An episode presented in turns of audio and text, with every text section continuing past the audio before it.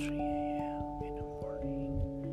So while everyone is sleeping, I try to create my first ever podcast. Okay, so here we go. Okay, so I create this podcast,